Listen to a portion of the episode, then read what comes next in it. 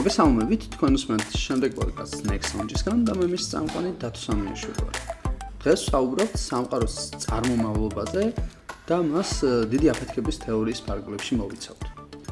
დიდი აფეთქება სამყაროს წარმოშობის ყველაზე პოპულარული კოსმოლოგიური ახსნაა, რომელიც მიხედვით სამყარო წარმოიქმნა უსასრულო სიმკვრივის და ტემპერატურის მდგომარეობიდან დაახლოებით 14 მილიარდი წლის წინ.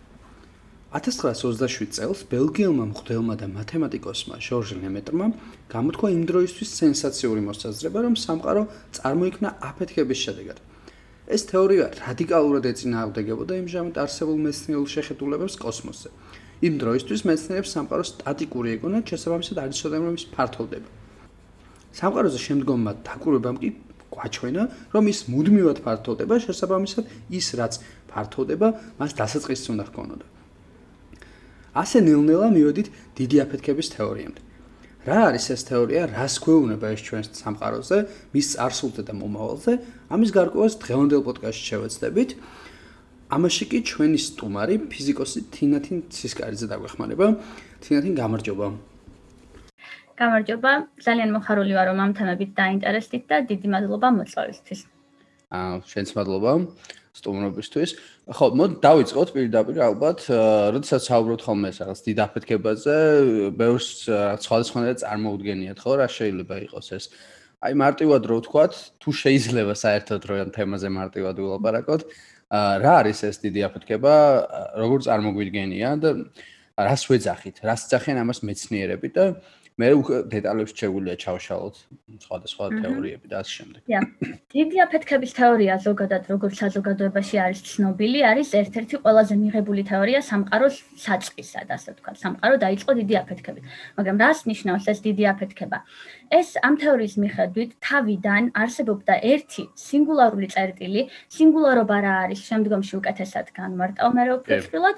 არსებობს და სინგულარული წერტილი, რომელიც იყო უსასრულოდ მკვრივი და ძალიან ცხელი და შესაბამისად ამიტომ ის იყო ძალიან არასტაბილური და მოხდა მისი გაფართოება ძალიან სწრაფად. სწორედ ამიტომ დაერქვა ამ თეორიას დიდი აფეთქების, ანუ აფეთქებას დაუკავშირეს ეს სწრაფი გაფართოება. მივანს გავსეთ უბრალოდ შეიძლება. მივანს გავსეთ, დიახ, ანუ იმიტომ რომ აი რაღაც სამ პატარადან ძალიან უსებ ჩქარა გაფართოვდა და ამიტომ დაერქვა დიდი აფეთქების თეორია და მიღებულია რომ ასე დაიწყო სამყარო და იმიტომ არის ეს ერთ-ერთი ყველაზე კარგი თეორიული მოდელი რომ აი ყველაფრის ახსნა არის შესაძლებელი ამ თეორიით, რაც დღემდე ასე ვთქვათ არსებობს სამყაროში. და ყველაფრის იმას ასე ვთქვათ დასაწყის შეიძლება დაუკავშირო. კი ბატონო. ხო აი სინგულარობა რა არის ეს ყველაფერი ცალკე თემა რომ საუბრობთ მოვიცავთ დღეს. აა მაგრამ მოდი აი მაინც დავიწყოთ იმით თუ თვითონ აი ამ თეორიამდე საი საი როგორ მივედით ხო? ანუ იქ ვისაუბრეთ ახსენე შენს გაფართოების ფენომენი ხო? ანუ იგივე ჰაბლის მომენტიც იყო, როდესაც მან აღმოაჩინა რომ სამყარო ფართოვდებოდა და მე უკვე დავაკავშირე თუ რაღაც თუ ფართოვდება, ესე იგი რაღაც საწყისი უნდა ქონოდა, ხო? აი ეს თემა რო უფრო დეტალურად დავხსნათ, ანუ მეცნიერება საიდან მივიდა თვითონ აი ამ დიაფეთქების ფენომენთან. კი, აუცილებლად, ან ძალიან საინტერესოა და აუცილებლად დავხსნით ამას, იმიტომ რომ აი ნაბიჯ-ნაბიჯ მივიდნენ მაგ აზრამდე, რომ დიაფეთქების თეორია მოხდა. და დაიწყო რითი 1912 წელს ამერიკელმა მეცნიერმა ვესტოს ლიფერმა ჩაატარა გარკვეული რაოდენობის დაკვირვებები, ის აკვირდებოდა შორეულ galaktikებს და აღმოაჩინა, რომ ეს galaktikები შორდებიან. ანუ ჩვენგან მიდიან. შემდეგ 1922 წელს რუსმა კოსმოლოგმა ალექსანდრ ფრიდმანმა დაწერა განტოლებები აინშტაინის დოგადი ფარდობითობის თეორიიდან გამომდინარე და ამ განტოლებების მიხედვითაც გამოდიოდა, რომ სამყარო ფართოვდება. შემდეგ 1927 წელს ჟორჟ ლემეტრმა და ჰაბლმა, ასე ვთქვათ, თითქმის ერთდროულად, მაგრამ დამოუკიდებლად ივარაუდეს, რომ ეს galaktikების დაშორება ნიშნავს, რომ სამყარო ფართოვდება, ანუ იმიტომ შორდება ეს galaktikები, რომ სამყარო ფართოვდება. და ლემეტრმა ივარაუდა მე რომ თუ სამყარო ფართოვდება და დროის შემდეგ მომენტში არის უფრო დიდი, მაშინ დრო რო უკან დავაბრუნოთ, ნელ-ნელა უნდა იყოს უფრო პატარა, კიდე უფრო წარსულში, კიდე უფრო პატარა და ანუ მივალ სადღაცა იმ წერტილამდე, სადაც მხოლოდ ერთი წერტილი იყო სამყარო და მე გაფართოვდა. აქედან წარმოიქმნა პირველი თეორია, ასე ვთქვათ, დიდი აფეთქების შესახებ. და თან ჟორჟ ლემეტრე აღსანიშნავია, რომ იყო რას სულიერი ლიდერი ერთ-ერთი, ხო, მოძღვარი. რომ მოღვაწე იყო, მღვდელი იყო, კათოლიკე, კათოლიკე მღვდელი იყო და მან ასე ვთქვათ, მოგვაწოდა ეს იდეა. მაშინ ყვებისთვის მიუღებელი მინდა აღნიშნო. ხო, სხვა შორის მე რაც გავეცანი ამ თემას იყო ის მომენტი საინტერესო ფაქტორი, რომ ა ბევრ ესე ვთქვათ მატერიალისტ მეცნიერს ეს თეორია იმიტომ არ მოსწონდა, რომ მას რაღაც უფრო კრეაციონიზმთან აკავშირებდნენ, ხო, რომ ანუ თითქოს რაღაცა საწყისი იყო, ანუ შესაბამისად თითქოს ვიღაცამ აფეთქაო ეს, ხო, ესე ვთქვათ. კი, იმ დროს, იმ დროს უფრო რეალურად წარმოედგინათ, რომ კრეაციონისტული მოვლენით მომხდარიყო სამყარო შექმნა, მაგალითად ან ღმერთი შექმნა, ან რაღაცა ქარიშხლის ერთ, აი იქცებ შექმნილიყო სამყარო რაღაცა მომენტიდან გამომდინარე. ეს იყო კრეაციონისტული ხედვა და კიდე მეორე ხედვა არსებობდა სტატიკური სამყაროს ხედვა. სულ რომელიც იყო ესე? ხო, ანუ სულ არსებობდა რა, ამისი დასაწყისი არ არსებობდა, იყო უსასრულო დიდიც, არც ფართოვდებოდა, ანუ იყო უსასრულო დროის განმავლობაში, იყო უსასრულო დიდი და სიმკვრივე იყო სამყაროში მუდმივი და რაც მე, ну, შესაბამისად დიაფექტების თეორიის მე უგულებელი იყო ეს ხელი. კი, და ну აი ერთ-ერთი იყო ალბერტ აინშტაინი, მე როგორც ვიცი, რომელმაც აღიარა ამაზე, რომ თავის ცხოვრებაში ერთ-ერთ ყველაზე დიდი შეცდომად უწოდა, რომ ანუ მისთვის მასაც არ ეჯერა რომ სამყარო შეიძლება ფართოვდებოდეს და ეგონა მასაც რომ სამყარო არის სტატიკური. ანუ ესე რომ ვთქვათ მარტივად უფრო რომ აი ცაში რო ვიხედებით და ყოველთვის ხედავთ ვარს ყოველს გადის ყველაფერი თითქოს არ შეიძლება რომ გაფართოვებულიყო ხო? ყველაფერი ესე შეიქმნა ესეთი ფორმით ხო? თუმცა ხო ხო არა ძალიან პარადოქსული არის მეთქი მინდოდა მეთქვა რომ თვითონ აინშტაინის განტოლებებიდან დაწერა ფრიდმანმა განტოლებები და მათედან გამოვიდა რომ სამყარო ფართოვდება მაგრამ სამწუხაროდ თვითონ აინშტაინს არ ჯეროდა თავიდან რომ ეს ასე იყო. კი ნუ აინშტაინს სხვათა შორის აინშტაინის ფორმულებიც იყო ერთ-ერთი ხო? საიდანაც კვანტურ მექანიკაზეც მივიდნენ მაგრამ აინშტაინს კვანტური მექანიკის განუზრველობაც სანდ დიდხანს არ ეჯერა და ეგეც საინტერესო მომენტია ნამდვილად კი. ნამდვილად აა ხო, ესე იგი, ანუ რა ვთქვა, ანუ იდეა მოკლედ ესე წამოვიდა, როგორც მე მესმის, რომ იყო თავიდან ესე ვთქვა, რაღაც გაჩნდა იდეა, რომ თუ რაღაც არის საწყისი, ესე ვთქვა, მას უნდა ქონოდა, უბრალოდ თუ რაღაც ფართოდება, მას უნდა ქონოდა საწყისი, ხო? და იქიდან გამომდინარე სამყარო, აი, სმენელისთვისაც რო უფრო გასაგები იყოს, რომელიც შეიძლება არ იცოდეს ეს რა არის სამყაროს გაფართოების ფენომენი. ანუ ნებისმიერი galaktikები იქნება ეს თუ რაღაცა, ანუ ერთმანეთს ცილდებიან, ხო? და დაჟე ანუ ესე ესე ესე ესე ვიცით ჩვენ რომ არსებობს სამყაროს სივრცეები, რომელიც იმდენად დაშორებულია ჩვენგან, რომ იქნებ სინათლეც კი ვერასდროს ვერ მოაღწევს, ხო? კი, კი. ეს ჰაბლის კანონიდანაც ჩანს, მოგვიანებით კიდევ ვიტყვი ალბათ, მაგრამ ჰაბლმა თავისი დაკვირვებებიდან რა დაასკვნა, რომ ეს galaktikები და ზოგადად შურისხეულები ფშორდება დისტანციის პროპორციულად, ანუ სიჩქარე არის დისტანციის პროპორციული და შესაბამისად ძალიან შორს რაც არის ის ძალიან ჩქარა მოძრაობს და სინათლეზე მეტი სიჩქარითაც შეიძლება მოძრაობდეს შესაბამისად ვერ ხედავთ იმ ობიექტებს. აჰა და ნუ ესე ვთქვა თუ რაღაცა ჭის ხრელებს მომავალში არ გამოვიყენებთ ან რაღაც სივრცეში არ გაუძრებით, ვერასდროს ვერ ნახავთ ამ ესე ვთქვათ ამ შუქი იქიდან ვერასდროს ვერ მოაღწევს. შუქი ვერასდროს ვერ მოაღწევს ნამდვილად.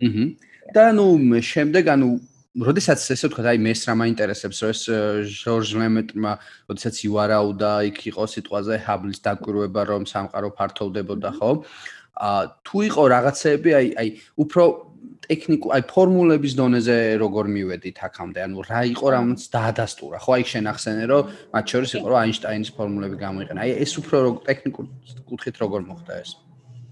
ხო, ესე იგი აინშტაინის ფორმულებიდან ფრიდმანმა გამოიყვანა განტოლება. ფრიდმანის განტოლება შეეხებოდა ზოგადად ენერგიის შენახვას, რაც უნდა შესრულებულიყო და ფრიდმანის განტოლებიდან პოულობდით გაფართოების პარამეტრს. გაფართოების პარამეტრი არის ჰაბლის მუდმივა. მუდმივა რო ქვია არაგვერიოს, ანუ ეგ არ არის დროში მუდმივა, ეგ არის უბრალოდ კოორდინატით მუდმივა. ამიტომ ჰაბლის მუდმივა დროზე არის დამოკიდებული რაღაცნაირად და ფრიდმანის განტოლებებიდან ვიღებთ ზუსტად ამ დამოკიდებულებას. როცა ბნელი ენერგია არ არსებობდა, ანუ არ იცოდნენ რომ ბნელი ენერგია არსებობდა და მისი წვლილი არ იყო შეტანილი განტოლებაში, მაშინ ეს პარამეტრი იყო დროის 2/3 ხარისხის პროპორციული, რაც ნიშნავს, რომ სამყარო ფართოვდებოდა შენელებულად. და მე, როდესაც ბნელი ენერგიის შესახებ ინფორმაცია უკვე დამტკიცდა და უკვე ივარაუდეს, რომ ბნელი ენერგია არსებობს, ეს პარამეტრი შეიცვალა და გახდა დროის ექსპონენციალურად პროპორციული. ანუ ჩამოყალიბდა ხედვა, რომ სამყარო ფართოვდება აჩქარებულად და დღემდე ეს შეხედულება არის, ასე ვთქვათ, ფიზიკაში გამართებული, რომ სამყარო ფართოვდება აჩქარებულად. ხო, ანუ ეგ არის კიდე ერთი უცნაური მომენტი, რომ ანუ რეალურად თუ თავიდან ქონდა საწყისი, რომ თავიდან ძალიან სწრაფად მოხდა, ხო? აა ფეთქება და სამყაროს ეს ესეც ამბობენ, ხო, რომ რეალურად სამყარო თავიდან ფართოვდებოდა იმაზე სწრაფად, ვიდრე არის სინათლის სიჩქარე. ხო, ეს უბრალოდ აი ეს მინდა კიდე რომ კარგად უფრო აუხსნათ ეს ფენომენი, იმიტომ რომ ეს რეალურად მოიცავს არა იმას, რომ სამყაროში თვითონ რაღაც გადაადგილდებოდა, არამედ თვითონ სამყარო ფართოვდებოდა, ხო? და აქ მივდივართ ძალიან საინტერესო ფენომენთან, რაც ბევრისთვის გაუგებარია. ალბათ, რა ვიცი, არა მარტო ბევრისთვის, ზოგადად რთულია რომ გაიაზროს რა ფენომენია. ანუ თუ იყოს სიტყვაზე დიდი აფეთქება, როგორ შეიძლება ის ფართოვდებოდეს არაფერში? ანუ რა ფენომენია, როგორ აღიქვას ამას ფიზიკა და მეცნიერება?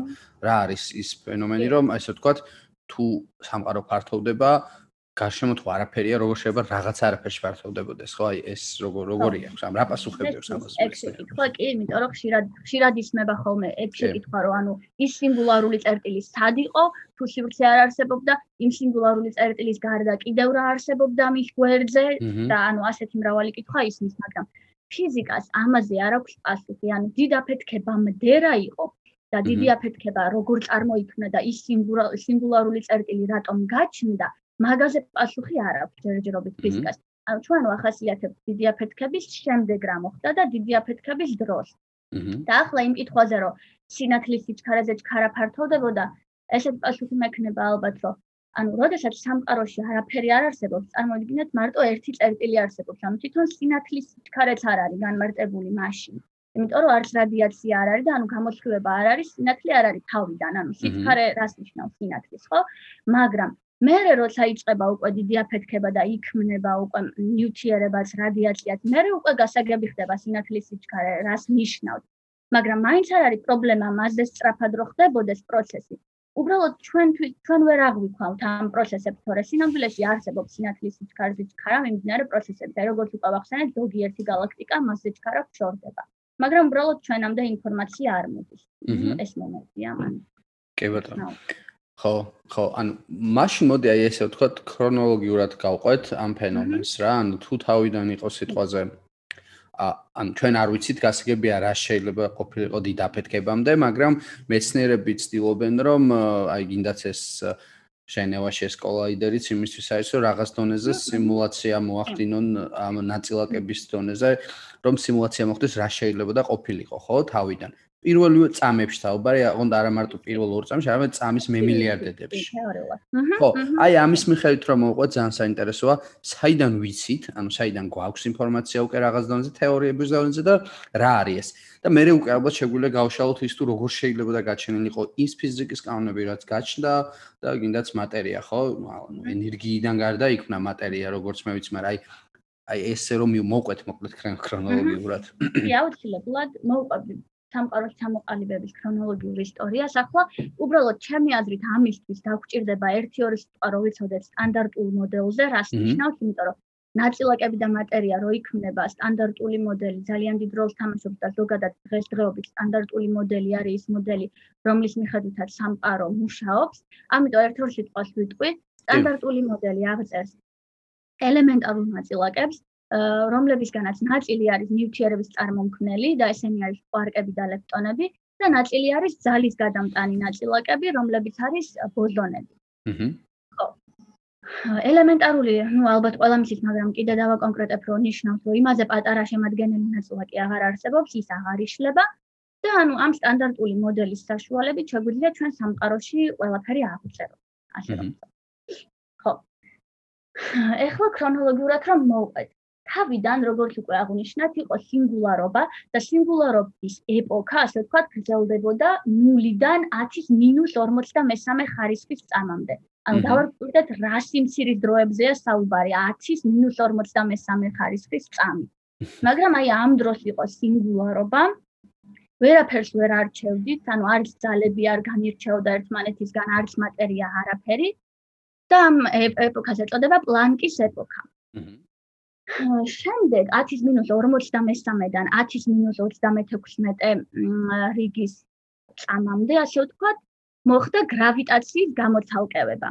და თქვენს ანუ კიდევ იყო საინტერესო კითხვა, პირველი ძალა რომელიც შეიქმნა და მინდა მაგას ხაზი გავუსვა, რომ შეიქმნა არ ვიცით, იმიტომ რომ ესენი შექმნილი როდის იყო და როგორ შეიქმნა მაგაზე ცნობები არ გვაქვს, მაგრამ გამოვლინდა პირველი გრავიტაცია. ანუ პირველი სხვა ძალებს გამოეყო გრავიტაცია. და როგორც აღნიშნეთ, ეს იყო 10-43 10-36 წამებში. შემდეგ 10-36-დან 10-32 წამის შუალედში გამოეყო იმ სამი ძალიდან ორი ძალა, სუსტი და ელექტრომაგნიტური. აჰა. ხო, გავამახვილებ ნუ კიდე ერთხელ ყურადღებას, რომ 4 ძალა გვაქვს დღესდღეობით ფიზიკაში, ეს არის ძლიერი ბირთვული, სუსტი, ელექტრომაგნიტური და გრავიტაციული და ამ ძალებზე მაქვს ამ შემთხვევაში საუბარი. კი ბატონო. ხო. ამით დამთავრდა სინგულარობის ეპოქა და მინდა რომ აღვნიშნო, რომ ტემპერატურა შედარებით დავარდა სამყაროსი და ცოტა ირონიულად ჟღერს, მაგრამ დავარდა 10-22 ხარისხის კელვინამდე, რაც უზარმაზარი ტემპერატურაა მაინც. ხო, ეგ არის, რომ ძალიან ცხელი იყო, ხო, თავიდან ყველაფერი რაღაცა ის სუპივით იყო, იძახიან რომ ის ყველაფერი იხარშებოდა, აი რაღაც კი, კი და განურჩეველი იყო ზუსტად ამიტომ, რომ აი იმხელა ტემპერატურა და იმხელა სიმკვრივე იყო, რომ აი აბსოლუტურად ვერა არაფერი არ იყო გარჩევადი და ერთმანეთისგან გამოყოფილი და ну მე რა შედარებით ნუ 10-22 კელვინამდე დავარდა. იმას მე კიდევ ახსენებ დღესდღეობით რა ხდება, მაგრამ შესაძლებლად რომ გამოდგეს დღევანდელი ტემპერატურა, ასე ვთქვათ, სამყაროს, იმ სამყაროს მიკროტალღური გამოსხივების არის 3 კელვინი. ანუ ხო წარმოგვიდგენია რამხელაა სხვაობა 10-22 ხარისხი და 3 კელვინის შორის. ნუ ძალიან დიდი გრადიენტი მოხდა ტემპერატურის მხრივ. ხო. აა შემდეგ იყო ინფლაციის ეგრეთ წოდებული გაფართოების, ანუ ეპოქა. რა რომელ ეპოქაში ჩამოყალიბდა კვარკ-გლუონური პლაზმა. აი ამიტომ ჭირდებოდა სტანდარტული მოდელის აღწერა, რომ ანუ ამ ეპოქაში ჩამოყალიბდა ზუსტად კვარკები და სხვა ელემენტარული ნაწილაკები და ანუ ერთმანეთს დაუკავშირდა ეს კვარკები გლუონებით. გლუონი არის სწორად ძალის გადამტანი ნაწილაკი, ანუ კვარკების ერთმანეთთან დამაკავშირებელი. ანუ რო შევაჯამოთ ამ ამ ეპოქის ბოლოს ჯერ არ გვაქვს პროტონები, ნეიტრონები, ატომებზე ლაპარაკი არ არის, უბრალოდ გვაქვს კვარკები, რომლებიც ერთმანეთთან რაღაცა კავშირშია. შემდეგ იწყება გაცივების ეპოქა, რასაც cooling ეპოქა ქვია ინგლისურად. და ამ დროს უკვე სადღაცა დიდი აფეთქებიდან მე-6-ე, მე-10 წამის განმავლობაში უკვე იწყება ბარიონების შექმნა. ბარიონები არის სწორად პროტონი, ნეიტრონი, ანუ სამყვარკიანი ელემენტები არის ბარიონები, რომლებსაც ну ეგრე ვუწოდებ. აჰა. ბრას ბარიონები შეიქმნა უკვე არსებობდა პროტონი, ნეიტრონი, ელექტრონი, სადაც არსებობდა, იმიტომ რომ ელემენტარული ნაწილაკია და უფრო ადრე შეიქმნა და ამის შემდეგ იწყება უკვე ბირთვული სინთეზი. რაც გავამახვილებ ყურადღებას, რომ იწყება 10-6 კელვინზე, უკვე ამ დონემდეა დასული ტემპერატურა. იწყება ბირთვული სინთეზი. ბირთვული სინთეზის შედეგად ჯერ რა თქმა უნდა იქნება წყალბადის ბირთვი, შემდეგ წყალბადის ბირთვების კავშირით დეიტერიუმის, შემდეგ ჰელიუმის და ასე შემდეგ ყველა ელემენტი ნელ-ნელა ნელ-ნელა იქმნება. აჰა. ხო, და მე ახლა საინტერესო რაც არის, ეს იყო რამდენიმე წამი დიდი აფეთქებიდან. და მე უკვე მილიარდი წლების განმავლობაში იქმნება galaktikuri კლასტერები, ვარსკვლავები, რაც იქმნება გრავიტაციის აცის შედეგად. იმიტომ რომ რაღაც გარკვეულ ადგილებში გარკვეული რაოდენობის ნივთიერება აღმოჩნდა და გრავიტაციამ დააკავშირა ის მიზიდა ერთმანეთთან სხვა ადგილზე სხვა რაოდენობის და ასე შემდეგ შეიქმნა ეს კლასტერები და ვარსკვლავები. კი ბატონო. აა მანდ არის კიდე ერთი ძალიან საინტერესო მომენტი, ანუ როდესაც შეიქმნა ეს მატერია, რასაც შემდეგ რისგან შედგება ახლა ყველაფერი, ხო? აა მანდ არის ძალიან საინტერესო მომენტი, ერთი თვითონ აა რას ეძახიან მატერიას და ანტიმატერიას. ანუ აა როგორც არის ესე თქვა ცნობილი, მატერია და ანტიმატერია ერთმანეთთან ვერძლებენ, ესე თქვა და ვერ თანაცხოვრობენ, მოკლედ. და მათი ელემენტარული გაჩენაც ერთმანეთთან მიახლოებაც კი იწვევს ძალიან დიდ აფეთქებას, სადაც საბოლოო ჯამში მატერიასაც გაანადგურებს და ანტიმატერიასაც გაანადგურებს, ხო? აა და ნუ აი არის ვარაუდი რომ მატერიას ანტიმატერიაც იდეა შეუდა ერთნაირ დონეზე ყოფილიყო და მაშინ რატომ არ განადგურდა საერთოდ მატერია ხო? ეს არის ხოლმე ესეთი უცნაური შეკითხვა უცნაური შეკითხვა არა უბრალოდ შეკითხვა რომელიც რომელიც პასუხი არ ამგონი სუსტი ხო? არ ვიცი რატომ გადარჩა მოკლედ მატერია და რატომ განადგურდა მთლიანად ანტიმატერია. ამბობენ ხოლმე რომ ანტიმატერიის ნარჩენები არის და ასე შემდეგ. და აი ამაზე რა რაცოდნა გვაქვს და რა პასუხები გვაქვს ხო, ამასაც ძალიან ბევრი აზრი არის განსხვავებული, რომ თავიდან როგორ რა იყო, ანუ სწორად წარმოიქმნა თუ არ წარმოიქმნა, მაგრამ ყველაზე მიღებული მოსაზრება ჩემი აზრით არის, რომ თავიდანვე არ იყო ესენი ტოლი. და რატომ? ზოგადად, როდესაც რაღაცა არასტაბილურობა არის პროცესში, ხო? ანუ პროცესი ფიზიკური ყოველთვის მიისწრაფვის წონასწორობის დამყარებისკენ და თუ თავიდან ყველაფერი თანაბრად იყო, მერე რო გაჩენილი იყო ეს არათანაბრობა, ანუ არასტაბილურობა, ეგ არის ფიზიკურად გაუმართლებელი და ამიტომ ფიქრობენ, რომ სულ თავიდან არსებობდა ეგ დისბალანსი და მერე ნელ-ნელა გაბათილდა, მაგრამ მაინც რაღაცა დოზით არსებობს. და მეცნიერებმა ისიც კი დასვეს, ანუ რაც დომილება უნდა ყოფილიყო თავიდან მატერიას და ანტიმატერიას შორის, რომ დღესდღეობით ეს შედეგი მიგვეღო. და ეს დომილება არის 10-ის მინუს მე-5, 10-ის მინუს მე-10 ხარისხი.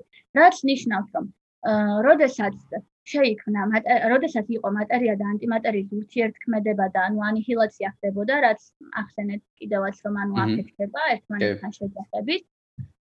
მაგ დროს 10-ის მე-10 ხარისხი ნაწილაკიდან შეჯახებების შედეგად რჩებოდა მხოლოდ 1 ნაწილაკი და 0 ანტინაწილაკი. ანუ წარმოიდგინეთ რამხელა მატერია ასე ვთქვათ ნადგურდებოდა რა, მაგრამ რჩებოდა მატერიის 1 ნაწილაკი და ანტიმატერიის 0. და ანუ იმ დროიდან მოყოლებული და ეს დრო არის ინფლაციის პერიოდი, იმ დროიდან მოყოლებული ეს დისბალანსი გვაქვს სამყაროში და დღესდღეობით, იმიტომ რომ ანტიმატერია ასე ვთქვათ, ნაპოვნით არ გვაქვს ბუნებრივად.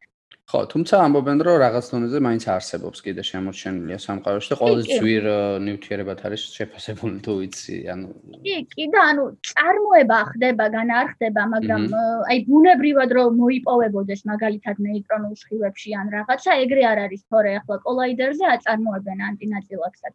ვთქვათ. და როგორ ხდება ეს წარმოება? ეს შეკითხვა გამიშთა თუ სიტყვაზე ყველგან ხო არის რაღაც ან სრული ისეთ სივრცეს ქმნიან, სადაც მატერია არ არის ფიზიკურად, რო არ მოხდეს სიტყვაზე ეს რაღაც კვალიფიკაცია? აი, მატერია და ანტიმატერია, აი მაგალითად შეიძლება ძალიან დიდ ენერგიაზე ფოტონი დაიშალოს ელექტრონად და პოზიტრონად. ოღონდ ჭირდება ძალიან დიდი ენერგია და ანუ ამ ენერგიებს ქმნიან იმ კოლაიდერებზე ამაჩქარებლებით და რაღაცებით, ანუ იქმნება მაგდოზის ენერგია, რომ ეს დასლა მოხდეს. აჰა. ასე ჩვეულებრივ ბუნებაში ცხოვრებაში, იმიტომ არ წარმოიქმნება, რომ აქ ხელა ენერგიებთან არ აკვაფის შეხება ასე რომ. აჰა. მა, საინტერესოა ძალიან. აა, კი ბატონო, რა რაღაც აი ეს თემაზე ვისაუბრეთ, ხო? ანუ ინდაც როგორ შეიძლება გაჩენილიყო კიდაც მატერია, ხო? იმიტომ რომ თავიდან აი ორი სიტყვით რო შევაჯამოთ ეს მომენტი არის ის, რომ რეალოდ აინშტაინის ესეთი ყველაზე ცნობილი ფორმულაც არის, ხო? E უდრის mc კვადრატს ანუ ეს რაღაცნაირად გამოდის, რომ ენერგიას მე როგორც მესმის შეუძლია წარმოქმნას მატერია, ხო? ხო ხო არის დაახლოებით ეს სწორი გაგებაა? შეგვიძლია თქვა. დაახლოებით. დიახ, აი თვად ეგრე ვერ ვიტყვით და რატო ვერ ვიტყვით? კიდე გეტყვით, იმიტომ რომ აი იმ სინგულარობიდან ზუსტად რო ენერგიისგან მატერია წარმოიქმნა და როგორ წარმოიქმნა, მაგაზე არ გვაქვს ცნობა. უბრალოდ რაღაცის მერე რო გაცივდა, ანუ ენერგია რო დაუვარდა იმ სამყაროს, ასე თქვა, სინგულარულ წერტილს და გაფართოვდა, აი ეს კვარკები გამოჩნდნენ უკვე რა, ანუ როდის წარმოიქმნა კონკრეტულად, მაგაზე ინფორმაცია არ გვაქვს, მაგრამ როდის გამოეყვნენ ერთმანეთს, მაგის თქმა შეგვიძლია და ენერგია და ნივთიერება კიდე გეთახმებით რომ გადაბმულია ზოგად ფარდობითობაში, იმიტომ რომ ანუ ესე ცალ-ცალკე არც ერთი შენახვა აღარ ხდება როგორც არსებობს კლასიკურ ნიუტონის ფიზიკაში რომ მასა და ენერგია მიძნელია. კი. ხო, ანუ უბრალოდ მე გამიშთეთ ეს შეკითხვა რომ თუ იყო სამყარო სიტყვაზე თავიდან ისეთი ცხელი სადაც ფიზიკურად ვერაფერი ვერ იარსებებდა, მე ცოტა ესე მესმის ხოლმე როცა ლაპარაკობენ რომ ენერგიამ წარმოქმნა ესე ვთქვათ საბოლოო ჯამში მატერია. ანუ თავიდან თუ იყო ენერგია და არ იყო მატერია, უნდა გაჩენილიყო ენერგიისგან მატერია. ანუ შეიძლება ეს ცოტა ისეთი ხო? ხო, ანუ იცი როგორი მე როგორ მესმის ახლა ეგ ანუ თავიდან უბრალოდ იმდენად დიდი იყო ამ ნაწილაკების ენერგიაც, რომ ერთმანეთს არ უკავშირდებოდნენ. ანუ ერთმანეთს რო გაჩნდეს მატერია და რო გაჩნდეს ატომები თვითონ, ხო? ანუ ეს კვარკები ერთმანეთს უნდა დაუკავშირდნენ, უნდა მის ენერგია მიენიჭოთ, ანუ უნდა გადაებან ერთმანეთს რაღაცნაირად და დიდ ენერგიებზე ეგ არ ხდება, იმიტომ რომ დიდი ენერგია აიძულებს ამ ნაწილაკებს, რომ ცალ-ცალკე იყონ და იყოს გავარვარებული პლაზმა და არაა საჭიროება იმისი, რომ სიტყვაზე შეერთდნენ და როცა უკვე ეს ენერგია იკლებს უკვე ცდილობს ატომი, ანუ თვითონ ნივთიერება ცდილობს, რომ უფრო ცოტა ენერგია დახარჯოს და უფრო ცოტა ენერგიას ხარჯავს, თუ მაგალითად შეერთდება და ჩამოყალიბდება კვარკებისგან ბარიონი მაგალითად და ამიტომ არის, რომ ენერგიის დაკლება ზუსტად განაპირობებს იმას, რომ ყალიბდება უკვე ნივთიერება. აჰა. ასაგებია. კი ბატონო. აა მაშინ აი მოდი ესეთ რაღაცა წავიწიოთ კიდე წინ და აი ყოველთვის მე ვიცი რომ იყვნენ რაღაც აა თუ არ მეშლება იყო არნო პენსიასი ხო და რობერტ უილსონი რომელმაც დააფიქსირეს ანუ თავისი მუშაობდნენ მოკლედ რაც რუტინული სამუშაო ჰქონდა და დააფიქსირეს ისეთი რაღაცა რაც რადიაცია რომელმაც ფაქტიურად ოფიციალური სახე მისცა, რომ აი სიტყვაზე დიდი აფრიკა მართლა და მომხდარიყო, ხო? აა და ესეც რაღაც სასაცილო მომენტიც მოხდა როგორც ეცი მაგთან, რომ როდესაც მათი ვარაუდეს რაღაც და თქვეს, რომ აი რაღაცა დაფიქსირებულია, სხვა ჩვენგან მანდი ყო რომ უთხრეს, რომ ანუ რაღაცა მტვერი დააფიქსირეთ უბრალოდ თუ ანუ სამყაროს წარმოქმნის აა სამყაროს წარმოქმნის პირველი რაღაც ესე ვთქვათ, მაშინდელი შემორჩენილი რადიაციაო, ხო და აი რა იყო ეს რეალურად? რა დააფიქსირეს და რა მოგვცა ამან? ო, აა ახლა თავიდან რა ვთქვა, რა დააფიქსირეს? მაგაზე პასუხი არის კოსმოსური მიკროტალოგური გამოშვება, რაც ცოტა ქართულად უცნაურად ჟღერს, მე ინგლისურად გამიგია და ინგლისურადაც ვიტყვი, რომ cosmic microwave background-ი ქვია ამ გამოშვებას, რელიქტური ფონის გამოშვება, შეგვიძლია ასე ვთქვა, კიდევ ესე ვახსენოთ. ეხლა რა არის ეს? ეს არის უძველესი სინათლე, რომელიც დიდი აფეთქებიდან შემორჩა და რომლის დანახვაც შეგვიძლია და მე როგორც მესმის, ანუ ჩემი გაგებით რომ გადმოგცეთ ეს რა არის? ანუ რო იყო ის წერტილი და გაფართოვდა, ანუ აი ამ გაფართოების სადღვარი, რასაც ჩვენ დღეს ვხედავთ, ეგ არის რელიქტური ფონის გამოსხივება. და საინტერესოა როგორ დააფიქსირეს თვითონ და რატო არის მაინდა-მაინც ახლა დიდი აფეთქების დამადასტურებელი ეს რელიქტური ფონის გამოსხივება. ხო, აი გვაინტერესებს კი. ხო, ესე იგი, ჯერ როგორ დააფიქსირეს? ანუ იყვნენ ჩაულებრივად ესენი რადიოფიზიკოსები იყვნენ და რადიო მიმღებები ჰქონდათ და აკურდებოდნენ რადიო სიგნალებს მომავალ სხვადასხვა მიმართულებიდან და დააფიქსირეს ერთ მომენტში, რომ იმაზე მეტი სიგნალი მოდიოდა, ვიდრე თეორიულად გათვლილი ჰქონდათ. მაგრამ ყველაზე საინტერესო რაც იყო, რომ და მე ეს რადიო მიმღები დაატრიალეს და ანუ ყველა კუთხით მიიღეს იგივე სიგნალი და იგივე რაოდენობის. და ეს ძალიან გაუკვირდათ იმიტომ რომ ყველა კუთხით ანუ წარმოიდგინეთ აბსოლუტურად ყველა მხრიდან მოდის ერთი და იგივე რაოდენობის სიგნალი ანუ რაღაცა სფეროზე მოდის სიგნალი. და ზუსტად მაგიტო მე დაუკავშირდნენ ესენი პრინსტონის უნივერსიტეტის ასტროფიზიკოს რომელიც დაკვირვებებს აწარმოებდა ზუსტად ამ და ცდილობდა დიდი აფეთქების თეორიის ასე ვთქვათ, დამამტკიცებელი საბუთების პოვნას, ეს იყო რობერტ დიკი. აჰა. დაუკავშირდნენ ამ მეცნიერს და ასე ვთქვათ, ერთობლივ დასკვნებით მივიდნენ იქამდე, რომ ვინაიდან ეს ყველა მხარეს არის და ერთი და იგივე რაოდენობის და ერთი და იგივე ტემპერატურის გამოსხივება, ივარაუდეს, რომ ეს არის ზუსტად ის საზღვარი, რასაც ხედავთ ჩვენ დიდი აფეთქების შემდეგ და ეს არის ზუსტად ყველაზე ძველი სინათლე, რის დანახვაც შეგვიძლია. და ზუსტად აი ამ რელიქტური ფონის გამოცხების ტემპერატურაა 3 კელვინი, რასაც ვამბობდი დასაწყ. ანუ რო წარმოვიდგინოთ რა დონეზე გაჩივდა სამყარო. კი ბატონო. აა და ანუ ამ ანუ ეს იყო რეალურად უფრო ერთ-ერთი მთავარი დამადასტურებელი, ხო ალბათ ამ დიდი აფეთქების თეორიის? შეგვიძლია ეს იყო ეს იყო ერთ-ერთი თუ არის რამე კიდე ისეთი რაც შეგვიძლია რაც ჯერ არ გვიხსენებია მაგალითად რაც უფრო ადასტურებს კიდე. აი იცით რა არის? ყველაზე მეტად ალბათ ეს ადასტურებს მაგრამ კიდე ჰაბლის ტელესკოპმა დაიკვირვა ასე ვთქვათ ჰაბლის ტელესკოპით დაიკვირვა ყველაზე ძველი galaktika რომელიც 13.8 მილიარდი 13.4 მილიარდი სინათლის წლით წლით არის დაშორებული ჩვენგან ჩვენგან ანუ ეგეც იმის მანიშნებელია, რომ ანუ მაგ დროიდან ჩვენამდე სიგნალი მოვიდა და ანუ ესეც ერთ-ერთი ფაქტი არის სასარგებლო დიდი აფეთქების თეორიისკენ. და ნუ პლუს ახლა მათემატიკური მოდელის ახლა ფრიდმანის განტოლებებით მაგალითად ეთანხმება, რომ ანუ დიდი აფეთქების თეორია რომ მოხდა, ანუ მაგას შეესაბამება ფრიდმანის განტოლებებით. აჰა. ხო, ეს ხო. ხო, ეს ჰაბლის მომენტი ძალიან საინტერესოა ეს ტელესკოპის, ანუ რო თქვი შენ რო სწავლე, ანუ ეგ ესე თქვა მსმენელისთვის რო იყოს გასაგები ვინ შეიძლება ეს თემა არიცოს კარგად, ანუ რაც უფრო შორს ვიხედებით, მე თუ უფრო ვხედავთ ესე თქვა შორეულ წარსულს, ხო, რეალურად, ანუ საშიც რო ვიხედებით, ვარსკვლავს რო ვხედავთ, რეალურად წარსულს ვხედავთ და ამაზე არის და ახლობთ ხარ ეს ჩვენ საუბრობთ და ნუ რაც უფრო ძლიერი ტელესკოპია, მას უფრო შეუძლია რომ შორს გაიხედოს ესე ვთქვა და დააფიქსიროს ძალიან ძველი სინათლე. რომელიც მოიტანს ჩვენთან რაღაც უძველეს სამყაროზე ინფორმაციას და როგორც ჩვენ თქვი ამ წამს 13 მილიარდი წლის წინდელ სინათლეზეა საუბარი, ხო? ანუ სინათლის წელი კიდევ ვიტყვი თუ თუ ანუ რომ კარგად გასაგები სინათლის წელი რა არის? ანუ სინათლის წელი არის მანძილი, რაც შეუძლია სინათლემ გაიაროს ერთ წელიწადში და სინათლის სიჩქარე ვიცით რომ 300.000 კილომეტრი წამია, ანუ ძალიან დიდია და ანუ სინათლის წელი არის ძალიან დიდი ერთეული და ანუ მაგხელა დაშორებაზე რომ მაგხელა 13 მილიარდი სინათლის წლის დაშორებაზე რომ ტელესკოპი გვაძლევს საშუალებას რომ დავინახოთ galaktika, ეგ ძალიან კარგია და ანუ ყველაზე ძველი galaktika, ასე ვთქვათ, რისი დანახვაც შეგვიძლია. მაგაზე უფრო ადრინდელები ჯერ არის. კი ბატონო. აა და აი მანდ არის კიდე ერთი მომენტი ჯეიმს ვების ტელესკოპი, რომელიც უკვე წელს უნდა გაუშვან, დიდი ხანია უშვებენ, მაგრამ რაღაც გადაიდო, გადაიდო, ხა ბოლოსაც იმიტომ გადაიდო. ბოლოს უკვე კორონას გამო გადაიდო და აა როგორც ვიცი, ну აი რაღაც სამალი, ამ წელს ყოველ შემთხვევაში წელს ნამდვილად გაეშვება, ხო? აა და აი ну ცნობილია რომ ჯეიმს ვები უფრო ძლიერი იქნება, ვიდრე არის ჰაბლი, ხო? აა ну ესე ითვლება და ну ესეც კოსმოსური ტელესკოპი იქნება. რა პოტენციალი აქვს ამ ხრივ ჯეიმს ვების ტელესკოპს? რა შეუძლია სიტყვაზე რომ დაგვანახოს? აი შენ რაც ახსენე მაგალითად რომ ჰაბლმა ეს დააფიქსირა. არის რაღაცები რაც იდეურ დონეზე შეუძლია ვებს რომ შემოგთავაზოს, რაც დიდი აფეთქების თეორიასთან შეგვიძლია დავაკავშიროთ, ან რამე ინფორმაცია რომ მივიღოთ სამყაროს წარმოშობაც გინდათ.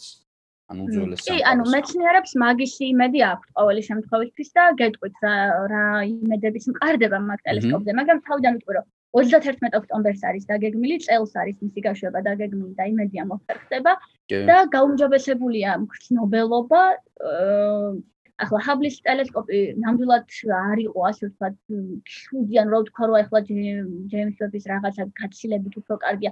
უბრალოდ ჰაბლის ტელესკოპმა ძალიან დიდი ხანი იმუშავა უნდა ემუშავა 15 წელი და იმუშავა 30 წელი საერთოდ და ანუ ახლა შვლიან უფრო გაუმჯობესებულია, უფრო მგრძნობელობა მეტი აქვს და ვარაუდობენ, რომ უფრო დიდ მანძილებზე შეძლებს დანახვას. ახლა რას მოელოდებიან მისგან? პირველ რიგში მოელოდებიან, რომ დავინახავთ იმ galaktikებს, ან იმ მანათობელ ობიექტებს, რომლებიც ზუსტად დიდი აფეთქების შემდეგ შეიქმნა, ანუ ძალიან მალე დიდი აფეთქებიდან. კიდევ ვარაუდობენ, რომ აი ზუსტ გზას დაინახავენ galaktikების ჩამოყალიბების. ჩვენ კი ვამბობთ ახლა ასე თეორიულად, რომ გრავიტაციის გამო ჩამოყალიბდა, იმიტომ რომ მიზი და მატერიები, გრავიტაცია, მიზი და ერთმანეთთან და ასე შემდეგ, მაგრამ აი მაგისი ვიზუალურად დანახვა იქნებაო შესაძლებელი ამის იმედებს ამყარებენ მეცნიერები. კიდევ იმას დაგვანახებს ეს ტელესკოპიო, ანუ უნდა უნდა მეცნიერებს დაგვანახოს, რომ როგორ შეიქმნა ამ galaktikebisdan როგორ გამოეყო ვარსკვლავები.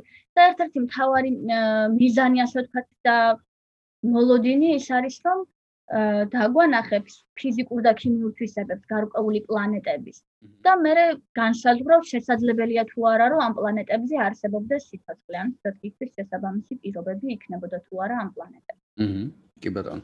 აა და ეს თავშევე მინდოდა მეკითხა და რაღაცა ეხა გამახსენდა ესე თქვა, აი დრო რო ახსენე რა შორეული galaktikis მომენტი, ანუ აა დაუშვათ გასაგებია რომ რაღაცები მიგვანიშნებენ იმაზე რომ უნდა ყოფილიყო დიდი აფეთქება ასე შემდეგ, მაგრამ არის ხოლმე ესეთ შეკითხვა, ანუ აი ვინც ესე თქვა ამ თეორიას შეეცნააღდებოდეს ან რაღაცა ზოგადად ნაკლებად ეჯეროს ინდას მეცნიერების არის ხოლმე ესეთ შეკითხვა, რომ კი მაგრამ რა იციან, რომ აი რა 14 მილიარდი წლის წინ, ანუ საიდან მოიტანეს რო ამბობენ ხოლმე, ანუ ესეც რო კარგად ხაზი გაუსვათ, საიდან ვიცით დაახლოებით რამდენი წელს არის სამყარო და როდის შეიძლება და მომხდარიყო ეს იდეურად რაღაც დონეზე კი შევეხეთ უკვე, მაგრამ უფრო აი ხაზი რო გაუსვათ ამას და კონკრეტულად დავხსნათ ეს. ხო, ეს რა თქმა უნდა არის, ანუ კიდე ერთხელ ვიძახი, ეს არის მოდელი. ამისი დამადასტურებელი რო ახლა ნამდვილად ასე მოხდა და დიდი აფეთქება ნამდვილად მოხდა და ვადასტურებ რაღაც რაღაც ამ ექსპერიმენტებითა თუ გამოთვლებით ეგეთი მტკიცებულება არ გვაქვს მაგრამ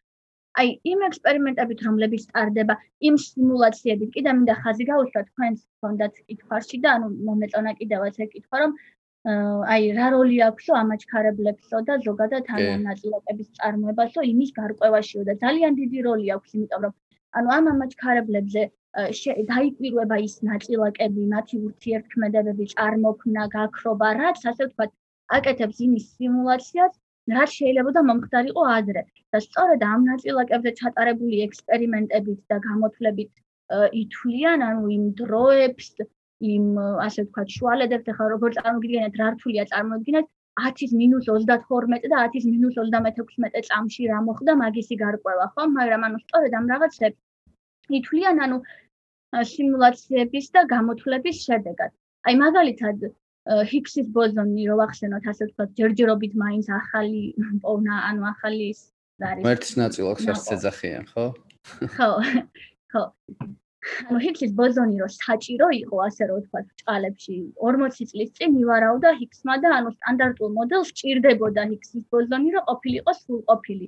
და აი ამ ამაჩქარებლების და ლაბორატორიების ჭალობით ასე ვთქვათ იპოვეს ზუსტად ეს ჰიქსის ნაწილაკი მართალია 40 წლის შემდეგ მაგრამ იპოვეს და ანუ დაამტკიცეს ეს თეორია და ეს ძალიან ბევრ რამეს ნიშნავს თუნდაც იმისა გასაგებად ადრე რა მოხდა და ადრე როგორ კავშირში იყვნენ ნაწილაკები ერთმანეთთან. ამიტომ ძალიან მნიშვნელოვანია ეს საკითხი.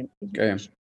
კი, ხო, ანუ მათ შორის ეს კოლაიდერის ფაქტორიც შეგვიძლია ვთქვათ, რომ არის რეალურად ეგ, რომ ვაკეთებთ სიმულაციებს, რაც გვაძლევს შემდეგ ძალიან დიდ ხო, აა და ნუ მანდ რეალოდ აი რა შევეხებს მეც უბრალოდ დაინტერესებს ხო? როგორ მუშაობს ეს კოლაიდერი ბაიმში ალბათ შეგვიძლია ერთი ორი სიტყვა ეგეც თქვა ხო? როგორ ხდება ამ ნაწილაკების აჩქარება ან საერთოდ დაჩქარება რო ხდება შეგვიძლია რაღაცა მარტივდეს ეს რო ნაწილაკებს ვაჩქარებ ხო არა რა თქმა უნდა აჩქარება ხდება და კოლაიდერები წარ რამდენიმე კილომეტრია წარმოიდგინეთ იმ ხელა მანძილები ჭირდება ამ აჩქარებას ესე რაღაცა 2 სანტიმეტრით ვერ ხერხდება ხო ანუ იმიტომ რომ რაღაცა მანძილი უნდა გაიაროს ნაწილაკმა რომ ის აჩქარა ის აჩქარა მიიღოს იმ აჩქარების შედეგად ხო აჩქარება ხდება ელექტრული და მაგნიტური ველებით ცხადია და აჩქარებენ უმეტესწილად დამუხტულ ნაწილაკებს, თუმცა ნეიტრალურ ნაწილაკების აჩქარებაც ხდება. და დამუხტული ნაწილაკებისთვის ახლა ველებთან ურთიერთქმედება ძალიან მარტივია, ყველა დამუხტული ნაწილაკი ველთან ურთიერთქმედებს. მაგნიტური ველით ახერხებენ ამ ნაწილაკების მოხვევას, ასე ვთქვათ, წრეზე რო რეალებს და ელექტრული ველით ხდება სიჩქარის მომატება. და აი ესეთი ხერხებით ასე ვთქვათ აჩქარებენ ამ ნაწილაკებს და ჩქარ ნაწილაკს შესაბამისად მეტი კინეტიკური ენერგია აქვს და ნუ იყენებენ სხვადასხვა მიზნებისთვის ასე ვთქვათ ამ აჩქარებულ ნაწილაკებს. კი ბატონო. აა და აი ალბათ შეგვიძლია რომ ცოტა დასრულსკენ წავიდეთ და ვისაუბრეთ მაგალითად იმაზე თუ აა რატომ შეიძლება და რომ სამყაროს გაფართოება ეს აი ჩვენ ხო ახსენეთ რომ სამყარო ფართოვდება ხო სიტყვაზე და ამის სიჩქარეც იზრდება. აი თუ გვაქვს მაგაზე ახსნა, ну აი ალბათ ბნელი ენერგიაზე უნდა წავიდეთ და პნევმატერიას უნდა ახსენოთ. თუ რატო შეიძლება რომ სამყარო ფართოვდებოდეს სიტყვაზე და აქედან ალბათ მე უკვე შეგვიძლია უნდა წავიდეთ რომ რა შეიძლება იყოს თვითონ საერთოდ ამ დიდი აფეთქების დასასრულიც რა. ანუ თუ მოხდა იწყო სიტყვაზე ესე, როგორ წარმოგვიდგენია სამყაროს დასასრული ამ გაგრძელებით. კი, ძალიან საინტერესოა ეგ რომ რატო ფართოვდება და რატო სიტყვაზე საიდან ვიცით ეგ ფაქტი, მაგრამ ეგ შემიძლია ვთქვა რომ ვარაუდიც კი არ არის, ანუ ეგ არის განტოლებიდან გამომდინარე. თუ ჩვენ ჩავთვლით რომ ფრიდმანის განტოლება სწორია, მაშინ ჩვენი სამყარო ფართოვდება აჩქარებულად. ვიდრე ბნელ მატერიაზე გვექნებოდა, ასე ვთქვათ, საუბარი, როგორც უკვე აღნიშნე და აინშტაინი როგორც ფიქრობდა, სამყარო ფართოვდებოდა შენელებულად და ანუ რაღაცა რაღაცა სიმკვრივის მერე ალბათ გავიდოდა ზღვარზე, ну თლად ზღვარზე არ გავიდოდა, მაგრამ აი სულ შენელდებოდა და შენელდებოდა ამ სამყაროს გაფართოება და ამჟამად ვინაიდან დაემატა ახალი წევრი, რაც არის ბნელი ენერგია. მატერია არა, გავამახვილებ ყურადღებას, იმიტომ რომ ბნელი მატერია მაინც მატერიის წევრში შედის, ანუ ფრიდმანის განტოლება რო ავიღოთ ჩვენ და დავყოთ სამ ნაწილად, გვექნება მატერიის ნაწილი, რადიაციის ნაწილი და ბნელი ენერგიის ნაწილი და ნუ ბნელი მატერია შედის მატერიის ნაწილში მაინც და მაინც არის ძალიან ცოტა ანუ რო რო ასე ვთქვათ ნაწილების მიხედვით რო განვიხილოთ რომელ წევრს რამდენი ნაწილიში აქვს ხო ანუ მატერიას და რადიაციას გაცილებით ნაკლები წვლილიში აქვს ამ განტოლებაში ვიდრე ბნელ ენერგიას და ბნელი ენერგიის ასე ვთქვათ გამოგონება კი არა ანუ მიხვედრა რომ ბნელი ენერგია არსებობს ძალიან მნიშვნელოვანი და გარდამტეხი მომენტი იყო სამყაროს ქცევის გარკვევაში ასე ვთქვათ. იმიტომ რომ რომ გამოარკვიეს რომ ნელი ენერგია არსებობს, მაშინ ფრიდმანის განტოლება დაიწერა ისე, რომ მივიღეთ ამონახსნი რომ სამყარო ფართოვდება აჩქარებულად. და ძალიან ასე ვთქვათ დღეს დღეობით ეს არის სწორი შეხედულება სამყაროს გაფართოების მხრივ. აჰა. თუმცა ეს ბნელი ენერგია რეალურად რა არის, წარმოქმნა არ გვაქვს მაინც, ხო ალბათ, იმიტომ რაღაცა რომელიც ბნელი ენერგია, რისგან შედგება, რა ნაწილაკებისგან და ეს ყველაფერი ჩვენ არ ვიცით და ნუ ბნელსაც იმიტომ უწოდებთ, რომ შედგება ისეთი ნაწილაკებისგან, რომლებიც არ ასხივებს.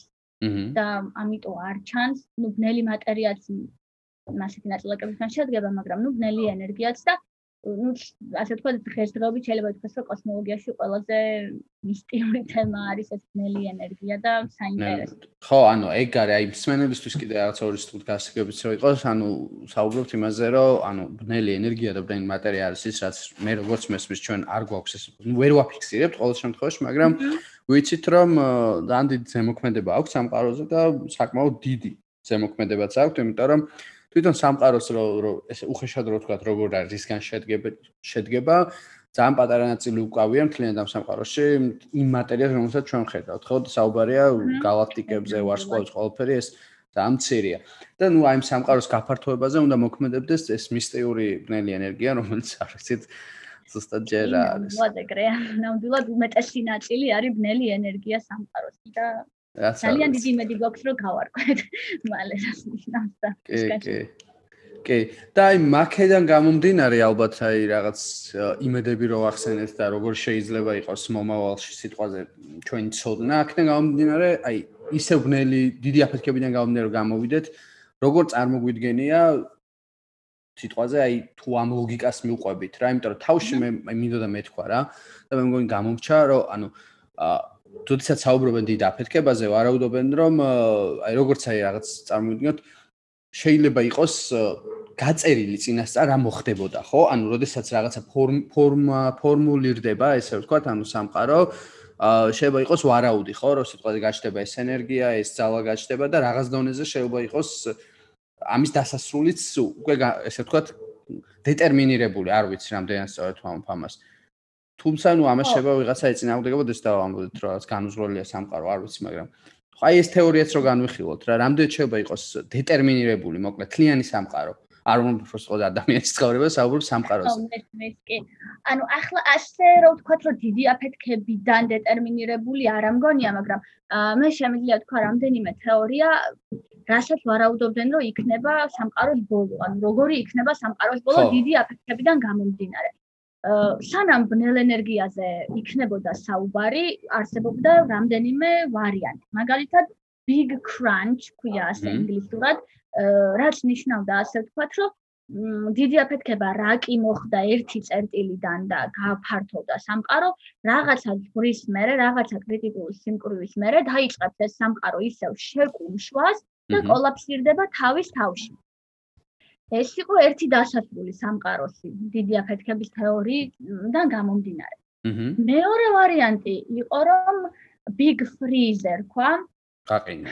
რაც ხო, რაც ნიშნავდა ახლა რას, რომ სამყარო ხო ფართოვდებოდა ბნელი ენერგიის აღმოჩენამდე შენელებულად. და ანუ რაღაცა კრიტიკულ სიმკვრივემდე მივაო ეს სამყარო და დაიწყებს მერე შენელებას და ასე გაგრძელდება უსასრულოდ. და ნუ გაფართოვდება უსასრულოდ, მაგრამ აი თითქმის ზღვარზე გავა და ნუ ამიტომ გაყინული, ანუ freeze, იმიტომ ეძახიან, რომ ეგ იქნება სამყაროს დასასრულო. აჰა. მესამე ვარიანტი იყო, რომ შავი ხვრელები რა კი არსებობსო და შავი ხვრელები ერთმანეთს ეჯახება და უფრო იზრდება და ანუ ფართოვდება და მასა ემატებაო. მოხდება ესეთი რაღაცა, რომ ნელ-ნელა ასე ვთქვათ, თან თქავს ამ სამყაროს და ვარსკვლავებს ეს შავი ხვრელები და აა ეს ვთქვათ ენტროპია გაიზრდება სამყაროსი, რაც ნიშნავს, რომ ანუ ვერსეთი ენერგიის გარჩევა თან ვეღარ შეუძლებო და ფაქტიურად heat death ქვია ასეთ დასასრულს სამყაროსაც. აჰა. და როცა როცა ბნელი ენერგიის შესახებ შემოვიდა ინფორმაცია და უკვე თქვეს, რომ სამყარო ფართოვდებაო აჩქარებულად, მაშინ შემოვიდა ესეთი მოსაზრება, რომ რაღაცა მომენტის მერე იმდანად გაფართოვდება ეს სამყარო, რომ ახლა ნელ-ნელა ჰორიზონტიდან რაღაცეები ქრება რა, რასაც ხედავდით, ნელ-ნელა ვეღარ დავინახავთო და ესე დაიშლება ნაწილ-ნაწილ სამყარო, იმდენად გაფართოვდება, რომ ერთი ნაწილი მეორეს ვეღარ დაინახავს და ასე ვთქვათ, აი ეს იქნება ამ სამყაროს დასასრული და ამასაც death მიაწერენ, ასეთი დაახლოებით ყველაზე ახლოს მაგდასასრულთან არის ძველი წარმოდგენებიდან, ასე რომ ვთქვათ. აჰა. ხო და ნუ აი ხო, ანუ დღესდღეობით აიგრე ვარაუდობენ, რომ ფოთაშორის იმასაც ვარაუდობენ, რომ აი ეხლა რო cosmic microwave background-ს ვხედავთ, რაღაცა მომენტის მერე მაგის დანახვა აღარ იქნება შესაძლებელი, ანუ იმიტომ რომ ძალიან აფშორდება სინათლის სიჩქარით, ქარავი მოძრაობს ჩვენს იქით galaktikებით, იმათ ვეღარ ხედავთ. და ანუ ეგ საშიშროება არსებობს, რომ ნელ-ნელა ინფორმაცია იკარგება, ასე რომ ვთქვა და ასე რომ დღესდღეობით ყველაზე მიღებული მოდელი ალბათ მაინც ეგ იქნება.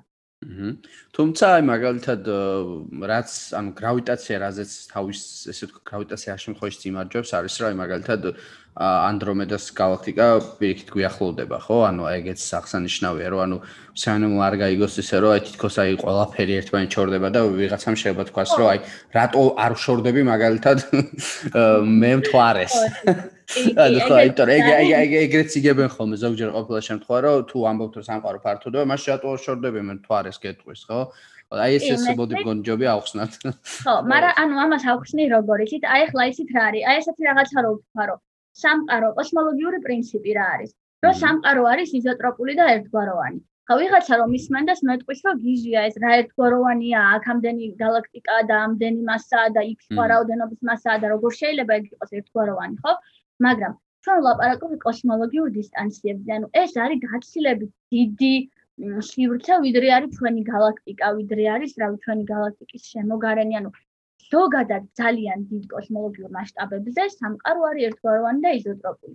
ამავე მასშტაბებზე მაქვს მე საუბარი ამ დაშორებებზე და ანუ გაფართოებაზე, თორემ ახლა მიზიდულობა ახლა პასტას რო დავაგდებ და დედამიწა მიზიდავს და არ დაშორდება ეგ არ წავა დედამიწისგან შორს ხო ანუ სადღაცა იქით მაგას კიდე თავისი ისინი აქვს ახლა კანონები როგორც ცნობილი არის რომ კოსმოსური სიჩქარეები ზუსტად ეგ არის რომ გრავიტაციას რო დავაღწიო თავი რაღაცაზე მეტი სიჩქარე უნდა მქონდეს თორე.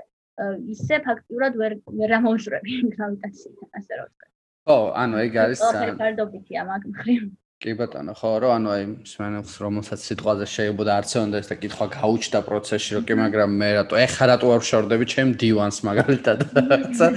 პასუხი გვაქვს, რომ აქ არის საუბარი ძალიან დიდ მასშტაბებზე და სამყაროა რეალურად ძალიან დიდი და ჩვენი პლანეტა და მათ შორის galaktikაც კი არ არის ისეთი, რომ ამით ვიმსჯელოთ, იმიტომ რომ თვითონ სამყაროში galaktikებიც კი მილიარდობით არსებობს, ხო? აა და რავი, ალბათ შეგვიძლია ნელ-ნელა დავასრულოთ კიდევაც, უბრალოდ აი წინა პოდკასტი გქონდა იმაზე, ესე ვთქვა, ჩავხრელებზე და მანდ იყო ესეთი მომენტი ვისაუბრეთ ბოლოსკენ ვახსენეთ აა თუ როგორ შეიძლება იყოს შავხრელი დაკავშირებული სამყაროს ესე ვთქვა გაჩენასთან. ნუ თუ შეიძლება იყოს, რა თქმა უნდა, თეორიულ თეორიის დონეზე და ანუ არის აი ამბობენ ბევრი აი დოკუმენტურებში არის ხოლმე შეიძლება რაღაც როცა მეცნიერები საუბრობენ რომ შეიძლება სიტყვაზე რაღაც შავი ხვრელის წარმოქმნა სხვა სამყაროში წარმოქმნდეს მოკლედ რაღაც ახალ რეალობას ხო და შეიძლება სადღაც რაღაც შავი ხვრელის გაჩენა ნიშნავდეს რომ მან სხვა სივრცეში გააჩინა რაღაც ახალი სამყარო. და ამბობენ ხოლმე რომ შეიძლება შავი ანუ ჩვენ დიდი აფეთქება მომხდარიყო რაღაცა სადღაც სხვა სამყაროში შავხროლის ჩამოყალიბების დროს. ნუ აი თუ არის ეს რაღაც დონეზე რეალობასთან დაკავშირებული, თუ შეგვიძლია რომ დავაკავშიროთ რა, ანუ ისე მივდივართ ხო, ისე ვიქ მივდივართ რეალურად. ფანტაზიური უფრო ცოტათი. მაგრამ ანუ ვერას ჩემი აზრი რა არის ხა რატო უკავშირებს შეიძლება ადამიანის სინგულარობას შავხრელს, ანუ იმ მხრივ რომ შავხრელი ძალიან მასიურია და შავხრელის ასე ვთქვათ ანუ შავი ხვრელიც არ ვიცი რა არის რა ფაქტობრივად და შეიძლება ამ რაღაცას აკავშირებს ერთმანეთზე. პლუს კიდე რა არის რომ ანუ შავ ხვრელში მოხვედრილი ინფორმაცია ფაქტობრივად ქრება, იკარგება, ანუ შავი ხვრელი ყველაფერს იზიდავს, გრავიტაცია აქვს ძალიან დიდი და ასწვებს ანუ ისე რომ ანუ ვეღარ ვარჩევ უკვე მე იმ ინფორმაციას, რომელი ინფორმაცია ჩაყლაპა. ანუ სიტყვაზე სხვადასხვა ფერის სიგნალი რომ მივიდეს, ეს რას ნიშნავს? სხვადასხვა სიხშირის ტალღა რომ მივიდეს, ხო? და მე უკან გამოსხივება ვნახო მე, ვერ ვერ აღვადგენ რა სიხშირის სიგნალი წავიდა. და ჩემი აზრით ესე ინფორმაციას როგორცე ხატრულად რო ვთქვათ რომ ყლაპავს და ჭამს ეს შავი ხრალი ალბათ ხალხი უკავშირებს მაგას რომ სადღაცა ეს ინფორმაცია მიაქვს და სადღაცა ახალი რამე იქნება მაგრამ აი არ ვიცი მეცნიერულად რამდენად სამართლიანი შეხედულება მე არ მგონია მოდი კი ბატონო. ხო აი ცოტა ხნის წინაც იყო მაგალითად ესეთი კვლევა დაიდო თუ არ თუ არ ცდები ეს იყო ამერიკელი მეცნიერები აკეთებდნენ რაღაც რა თქმა უნდა თეორიულ დონეზე ხდებოდა რომ მათ წარმო სიმულაცია გააკეთეს ამ ყველაფერს და ნუ ერთ-ერთი ვარაუდი იყო რომ შეიძლებაო რომ მაგალითად აი ამ სამყაროების გაჩენასთან აი ასე თქვი რაღაც შავიხრულები რაღაცნაირად იყვნენ დაკავშირებული ანუ ესენც მაგით манипулиრებენ კი მაგით манипулиრებენ ზუსტად სინგულარობის ფენომენით манипулиრებენ იმიტომ რომ თუმცა ეს გავს გავს ფიზიკური თვისებებით ძალიან გავს შავიხრული და სინგულარობა მაგ მხრივ რომ ანუ არაფერი არ შიგნით რა ხდება არც აქ არც იქ და უცებ რა, აი რაღაცა გრივია ძალიან, გინეა რაღაცნაირი და ანუ აი რაღაცა მსგავსებების დაჭერა შეიძლება და კი და ნუ მან დაამბობდნენ ესეთ რაღაცას დაახლოებით რო თქვა რომ ანუ იმდენად შეიძლება ესე ვთქვა ეს სიმკვრივე და ყველაფერი თვითონ ან შავხრილში სინგულარობა რო ამბობენ ხოლმე ანუ ინდონეზია შეიძლება იყოს ეს რომ მან ის ის მოქმედებდეს ესე ვთქვა როგორც არღვევდეს ჩვენ განზომილებების დონეზე და რაღაც წარმოქმნიდეს რაღაც ახალ რეალობას. ნუ რა თქმა უნდა, სწორფერი. ხო, ეს დამორიცხული არაფერი არ არის. ხო, თუმცა მაინც манипуляციები, იმიტომ რომ შესაძაც არიცი რა არის სინგულარობა რაღაც დონეზე და ვერ ხსნი ამას ბოლომდე, წარმოიჩინო, აქედან წარმოაჩინო როგორ გაჩნდა სამყარო, ნუ გასაგებია რომ ალბათ ინტერესის გაღვივება არის უფრო და რაღაცა ისეთი შეხედულება, რომ ანუ რა კი მაგისი უარმყოფელი არაფერი არ არსებობს, მოდი ვიფიქროთ, რომ შეიძლება ასე ყოფილიყო და ვცდილობენ რომ დაუკავშირონ და რა ვიცი. შეიძლება თავიდან ყველაფერი ეუცნაურებოდათ მაგრამ ხო რა თქმა უნდა და ნუ რეალურად სად მიგვიყვანს ეს ყველაფერი ბოლომდე არ ვიცით და რაც გავიგებთ კიდე. ეგეთ დროზეა დამოკიდებული. აა რა ვიცი მოკლედ ვიქონიოთ იმედი რომ აა ვიქონიოთ იმედი რომ ადამიანი მოდი ესე ვთქვა არ ვიცი ჩვენ თაობამდე მოესწრება მაგრამ ადამიანი გაიგებს რა არის სამყარო, ასე ვთქვა და როგორ შეიძლება გაჩენილიყო, ხო? შეიძლება რაღაც ახალი თეორიების გამოჩნდეს, რომელიც საერთოდაც უარყოფენ, იმიტომ რომ არიან სხვა მათ შორის მეცნიერების, რომლებიც ამბობენ, რომ ეს დიდი აფეთქების თეორიაც რაღაც უკვე მოძროლებულია და მათ აქვთ რაღაც თავისებური ახალი ხედვები, რომ სიტყვაზე შეიძლება და ესე ყოფილიყო სამყაროს გაჩენა. თუმცა ნუ მაინც ყველაზე პოპულარულ მეცნიერებაში, მაინც კოსმოლოგიაში ალბათ მაინც ეს დიდი აფეთქების მომენტია. ერთერობით ეს იქნება, ანუ ყველაზე ამხსნელ თეორია, დრამას შეიძლება გაგვაგებინოს რატო არის ასე მოწყობილი სამყარო და იმედი ვიქონიოთ რომ უკეთესი შედეგები გვექნება მომავალში. კი ბატონო, თორე ეს იყვნენ ძველი ბერძნების, რომლებსაც რომლებიც თავისებურად ხსნიდნენ მათ ეგონათ რომ დაობა, დიდი დავა იყო ხოლმე მათ შორის იმაზე რომ მაგალითად აა ზოგი ამბობდა რომ წყლისგან დაიწყო ყველაფერი, ზოგი ამბობდა რომ ცეცხლისგან დაიწყო ყველაფერი და ასე შემდეგ, ხო? ნახოთ რა ვიცი, ეხა შეიძლება ჩვენთვის სასაცილო იყოს და შეიძლება მომავალშიც მომავლის მეცნიერებისთვის ეს იყოს. კი, რა რა დიდი აფეთქებაო და რა შავი ხრელი სინგულარობაა. კარგი ძალიან დიდი მადლობა და რა ვიცი სვენელსაც მადლობა რომ მოგწვინა აა და რა ვიცი დროებით აბა. მადლობა თქვენს და სვენელსაც და შეხვედრამდე. დროებით კარგად კარგად